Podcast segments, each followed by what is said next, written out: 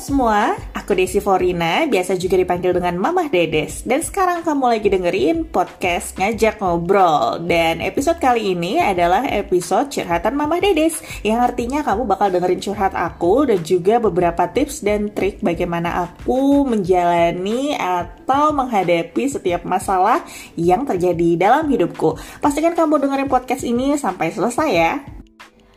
Mari kita curhat dan kali ini aku akan membahas tentang uh, pengenalan diri gitu ya. Um, kira-kira pertanyaannya seperti ini, sudahkah kita mengenali diri kita dengan baik? Sudahkah kita bisa mempresentasikan identitas diri kita dengan uh, baik dan juga jelas gitu?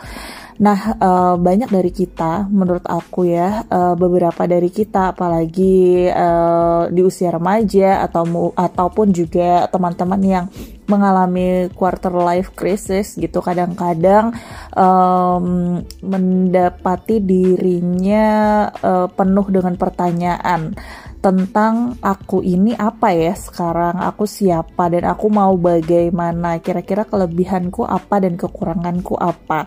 Nah, pertanyaan-pertanyaan seperti ini itu sering muncul jika uh, kita tidak uh, mengenali dengan baik uh, seperti apa identitas diri kita sendiri gitu. Nah, identitas uh, diri sendiri itu sebenarnya apa sih gitu ya? Uh, karena ini adalah hal yang penting banget yang uh, harus ada dalam diri kita karena dengan um, mengenal atau uh, bisa gitu ya menggambarkan identitas diri itu uh, kita jadi tahu gitu bahwa uh, kita punya kelebihan apa dan kekurangan apa. Lalu identitas diri sendiri menggambarkan siapa dan seperti apa uh, sosok diri kita gitu. Bagaimana kita bisa mempresentasikan diri kita mewakili latar belakang, budaya, minat kita, hubungan dan pencapaian yang selama ini sudah kita raih gitu. Dan uh, biasanya identitas diri ini atau pemahaman kita akan diri kita sendiri itu terbentuk atas beberapa faktor sih ya. Dan salah satunya yang paling kuat adalah faktor pola asuh di masa lalu oleh orang tua dan cara berpikir yang terbuka yang ditanamkan oleh keluarga gitu ya. Nilai dan prinsip yang dijalani juga uh, pengalaman yang dilalui itu juga salah satu yang membentuk identitas diri kita hingga uh, kita tumbuh menjadi orang dewasa nantinya gitu ya. Atau mungkin sekarang kamu udah berada di usia dewasa gitu ya tapi masih bingung ehm, kira-kira aku ini uh, maunya apa ya? Aku uh, ke depan mau bagaimana? Atau mungkin aku ini siapa sih sebenarnya gitu ya? Bukan uh, literal uh, bahwa kamu nanya kamu siapa yang ingat-ingat hilang ingatan gitu ya tapi uh, menanyakan tentang uh, aku itu sebenarnya sosok seperti apa sih gitu lebih tepatnya. Dan uh, identitas diri ini adalah konsep diri yang terbentuk atas tujuan nilai dan keyakinan yang dijalankan sebagai prinsip hidup. Dan ini ditanamkan oleh orang tua yang bertugas gitu ya atau berkewajiban mengenalkan dan menumbuhkan banyak praktik baik yang perlu uh, kita sebagai anak-anak pahami dan terapkan dalam kehidupan sehari-hari. Tentu juga karena ber, berhubungan dengan pola asuh juga juga ya uh, tidak hanya hal baiknya aja dari pengasuhan yang kita bawa tapi juga semua luka-luka pengasuhan masa lalu pun juga bisa menjadi identitas diri yang melekat pada diri. Nah, dalam identitas diri biasanya kita juga uh, harus mengenal tentang sifat bawaan kita gitu dan juga karakter kita. Nah, perbedaannya apa sih gitu? Kalau sifat bawaan biasanya uh, itu adalah yang dibawa sejak lahir dan biasanya diturunkan dari orang tua juga sih gitu ya. Dan karakter itu adalah hasil dari pendidikan dan pengasuhan dan ini harus blend ya satu sama lain, harus saling mendukung dan menyokong gitu ya. Apalagi uh, nilai-nilai dan karakter yang uh, de, tadi aku bahas gitu yang diturunkan dan diajarkan oleh uh, pola pengasuhan orang tua kita dulu gitu. Nah, dalam mengenali diri, kita juga harus tahu sifat bawaan kita. Itu tadi ya yang aku bahas uh, sebelumnya ya, sifat bawaan ini sendiri adalah yang dimiliki oleh semua orang siapa aja. Entah itu anak orang tua pasangan dan diri kita sendiri tentunya. Dan biasanya ini tidak bisa diubah uh, atau dihilangkan gitu. Tapi masih bisa diarahkan dengan pembentukan karakter tadi gitu. Karakter yang hasil dari pendidikan atau pengasuhan orang tua dan lingkungan juga tentunya. Uh, dan um, kenapa sih kita perlu tahu juga tentang sifat bawaan gitu ya? Karena biar lebih bisa memahami diri sendiri uh, karena kita tahu uh, bagaimana berperilaku nantinya dan uh, tentunya juga bisa lebih mengenal lagi uh, orang lain yang ada di sekitar kita seperti anggota keluarga dan kita bisa juga um, menghadapi gitu tahu cara uh, berperilaku atau berhadapan yang sesuai dan tepat gitu ya terhadap orang tersebut. Lalu kemudian pertanyaan muncul nih, kenapa sih kita perlu mengenali diri kita dan kita bisa tahu identitas diri kita seperti apa, apa sifat bawaan kita dan karakter seperti apa diri kita itu gitu ya, apa kekurangan dan kelebihan kita.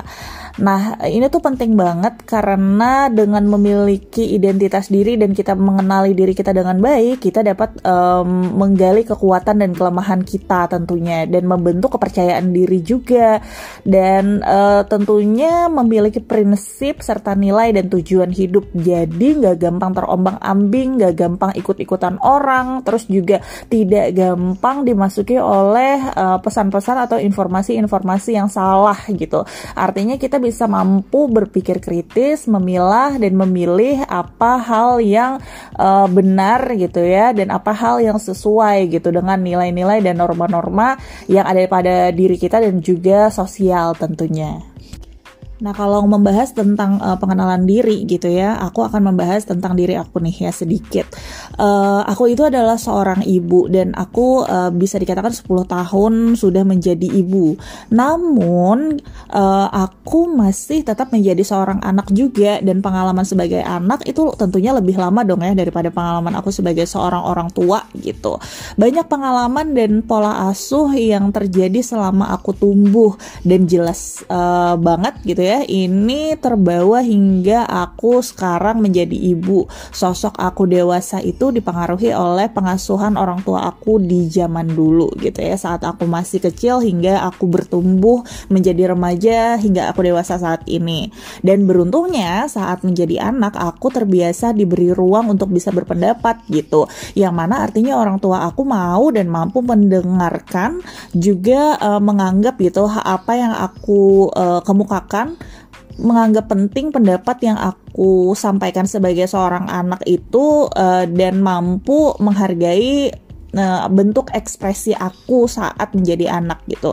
Meski jelas banget ya dan tentu nggak semua keluarga itu bisa begini gitu. Nggak semua keluarga bisa terbuka dan mau mendengarkan anak-anaknya gitu atau sebaliknya tapi nih ya, saat aku sebagai anak didengarkan pendapatnya itu tuh dan mendapat validasi emosi gitu ya, validasi validasi tentang perasaan aku dan uh, diberi empati oleh orang tua, menumbuhkan uh, diri aku sebagai sosok dewasa yang kemudian menjadi pribadi yang lebih mandiri, percaya diri, berani menghadapi dunia dan dengan segala masalahnya gitu. Dan mampu mempertahankan pendapat aku dengan tentunya tetap menerima perbedaan pendapat yang mungkin terjadi dengan tetap bijak. Dan aku juga mampu tetap berpikir kritis, menerima uh, ataupun saat mendapat uh, pesan atau informasi yang salah Nah, pertanyaannya kemudian gitu ya, yang terjadi apa uh, yang uh, mungkin gitu ya uh, dialami anak pada saat um, dalam keluarganya mungkin tidak ada toleransi antar anggota keluarga atau tidak diberi tempat untuk bisa berpendapat dengan baik. Kira-kira nih ya pada saat mereka menjadi dewasa akan menjadi orang dewasa seperti apa? Meskipun demikian, tentu kita uh, sebagai seorang anak yang bertumbuh gitu ya, masing-masing itu punya pengalaman sendiri. Dan begitu juga uh, banyak hal yang bisa masih kita dapat syukuri dan kita pelajari gitu dari pengasuhan pola masa lalu orang tua gitu, yang nantinya juga uh, segala yang baik-baiknya akan bisa kita teruskan kepada anak cucu kita ke depannya, tapi juga yang luka, yang duka ataupun yang menyakitkan uh, bisa kita sudahi dengan cara memaafkan. Meskipun eh, kadang-kadang kita sudah mengenali diri kita gitu ya begitu baik gitu ada saja momen di mana kita uh, merasa terpuruk dalam hidup. Nah ini biasanya akan uh, rentan untuk um, mendapati diri kita jadi krisis identitas gitu ya. Kadang-kadang masalah-masalah hidup yang teramat berat gitu ya dan kita nggak siap untuk menghadapinya gitu ya karena mungkin uh, value di diri kita nggak kuat-kuat banget akarnya gitu ya jadi kita gampang goyah gitu uh, kemudian krisis-krisis ini uh, menimbulkan banyak perilaku-perilaku yang tidak sesuai dengan diri kita sendiri tentunya dan juga mungkin sosial gitu ya. Dan hal ini uh, biasanya terjadi pada saat masalah-masalah yang di luar dari kendali kita. Entah mungkin perceraian atau mungkin um, perseteruan konflik yang dialami dalam keluarga antar anak dan orang tua gitu ya. Atau kelas dalam pertemanan salah pergaulan dan sebagainya Yeah. Nah, namun dari sini gitu ya, uh, dari masalah-masalah yang mungkin terjadi di tengah kehidupan kita saat memang pola asuh uh, dan nilai nilai-nilai dalam keluarga itu sangat kuat dan sudah dipupuk sejak lahir gitu ya. Biasanya juga krisis yang kita hadapi dalam krisis identitas itu tuh nggak gampang terlalu ambiar lah istilahnya atau mungkin nggak terlalu oleng-oleng banget hidupnya gitu. Kita bakal kembali dengan mudah kepada porosnya yang sesuai dengan uh, value ataupun nilai-nilai yang sudah kita dapat dari kecil gitu. Nah, lalu kemudian gimana sih caranya uh, kita mungkin uh, teman-teman sebagai orang tua gitu ya yang pengen menumbuhkan rasa uh, pengenalan diri atau um, menumbuhkan identitas diri pada anak-anaknya gitu ya. Mungkin dengan cara kita bisa uh, dengan bijak mendampingi anak-anak kita bertumbuh gitu ya. Apalagi untuk uh, memahami anak-anak di zaman uh, yang teknologinya makin canggih gitu ya dan juga di era pertemanan yang uh, kayaknya sosialisasinya semakin rumit rumit gitu lagi-lagi saat mendampingi anak ataupun juga membersamai keluarga lainnya gitu ya uh, kita juga tetap harus kembali uh, selain mengenal diri kita secara pribadi kita juga harus mengenali uh, pribadi anggota keluarga lainnya juga gitu. Dan kita mampu bersikap fleksibel dan mau terbuka untuk semua hal baru yang ada di kehidupan anak apalagi di era uh, serba digital seperti saat ini ya yang kadang-kadang kita juga uh, sering kaget-kaget gitu dengan kecanggihan-kecanggihan anak zaman sekarang gitu ya. Tentunya juga sebagai orang tua uh, diharapkan kita juga mau dan mampu meluangkan waktu bersama yang benar-benar hadir sepenuh hati sepenuh tubuh gitu untuk bisa membuka komunikasi dan membangun komunikasi yang hangat gitu bersama anak, pasangan dan keluarga lainnya. Juga memberikan kebebasan tetapi uh, tetap juga memberikan batasan gitu. Dan uh, kita sebagai orang tua juga tetap harus perlu belajar dan cari cara dalam upaya membersamai anak sesuai zaman dan tahapan perkembangannya supaya lebih nyambung aja gitu ngobrolnya. Nah, um, mencari cara gitu ya uh, untuk bisa berkomunikasi dengan baik, terutama dengan anak-anak adalah dengan cara cari tahu dunia anak agar eh, nggak uh, monoton gitu bertanya, agar tidak menjadi membosankan dengan uh, mengulang pertanyaan gimana per, uh, apa uh, sekolah hari ini menyenangkan nggak? Uh, kamu main apa di sekolah? Belajar apa di sekolah gitu ya? Uh, pertanyaan pertanyaan template yang sepertinya selalu diulang-ulang setiap harinya gitu sebagai orang tua gitu ya, terutama sebagai orang tua muda dengan anak-anak yang uh, bertumbuh di usia mungkin balita, anak TK ataupun sekarang di usia SD gitu ya, terutama untuk aku sendiri, aku uh, sekarang sedang belajar menjadikan anak aku tokoh utama sebagai pencerita dan aku sebagai pendengarnya.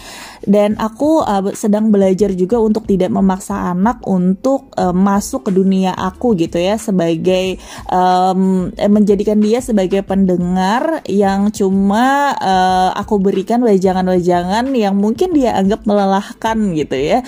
Uh, ini ibu kayaknya selalu memberikan wejangan di setiap harinya udah kayak ceramah panjang aja deh nggak ada yang lebih asik apa gitu nah PR aku adalah menjadikan obrolan uh, entah itu sama anakku atau pasangan aku gitu ya menjadikan nyaman dalam uh, komunikasi keluarga adalah memberikan ruang obrolan yang lebih seru dengan rasa ingin tahu uh, yang antusias dengan kehidupan mereka gitu. Dan artinya PR-nya adalah aku harus belajarkan belajar gitu ya mendengarkan lebih baik dan uh, hadir sepenuhnya uh, menyimak dengan empati yang tinggi untuk mereka untuk mendampingi anak-anak aku agar uh, bisa lebih percaya diri dengan dirinya ataupun uh, memberikan uh, wajangan dengan halus gitu ya, tidak secara langsung gitu agar mereka tahu nilai yang akan aku tanamkan dan tumbuhkan sebagai orang tua pada mereka adalah dengan menceritakan pengalaman aku pada saat uh, masih kecil gitu, pada saat seusia mereka ataupun mungkin untuk anak aku yang pretend sekarang aku akan menceritakan tentang pengalaman remaja aku gitu ya tentang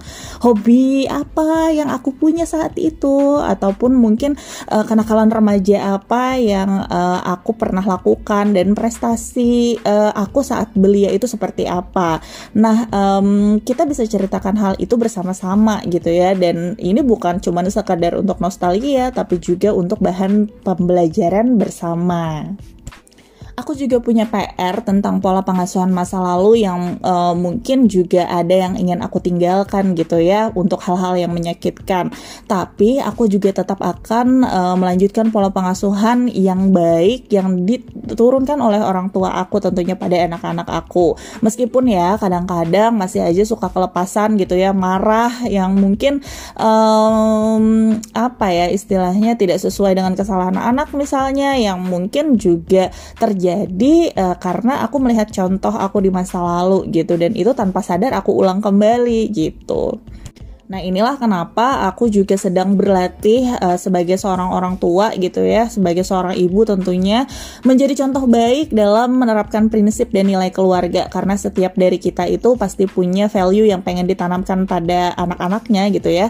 Dan uh, aku pengen tidak hanya bisa memberikan nasihat tapi juga menunjukkan apa yang memang sesuai dengan nilai yang diingin uh, yang ingin aku dan suami tumbuhkan gitu. Jadi nggak cuma ngomong aja bahas bahasa anak sekarang kasarnya nggak cuma bacot doang tapi action juga gitu.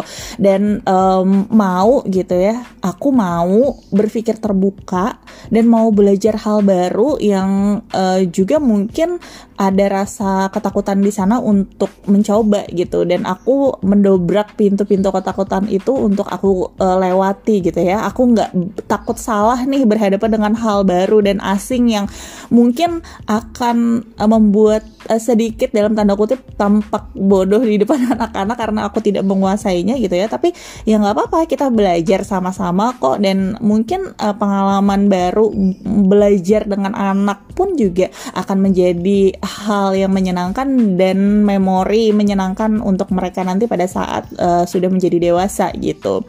Dan tentunya juga PR banget untuk aku adalah mampu mengelola emosi untuk diri aku sendiri agar bisa berkomunikasi dengan tenang dan lebih baik pada anak-anak. Tentunya juga uh, ketika mendampingi mereka dalam berbagai macam permasalahan saat mereka bertumbuh gitu. Aku gak gampang terlalu reaktif mengeluarkan emosi aku gitu dengan mungkin uh, saat aku khawatir aku terlalu khawatir berlebihan saat aku takut aku takut berlebihan gitu ya atau mungkin pada saat anakku menerima sesuatu yang tidak menyenangkan aku uh, mengeluarkan emosi marah yang mungkin juga jadi lebay gitu. Jadi aku sedang melatih emosi aku untuk tetap stabil dan tenang gitu. Dan harapan aku adalah semoga anak-anak aku saat melihat aku bisa mengelola emosi mereka pun juga demikian gitu. Mereka akan lebih fokus uh, menahan emosi mereka gitu ya dan fokus kepada uh, apa solusi atau penyelesaian masalah yang mereka sedang hadapi saat itu gitu Nah, uh, untuk lebih fokus lagi, agar aku juga bisa uh, memberikan pengenalan diri yang baik pada anak-anak adalah dengan sering-sering refleksi bersama gitu.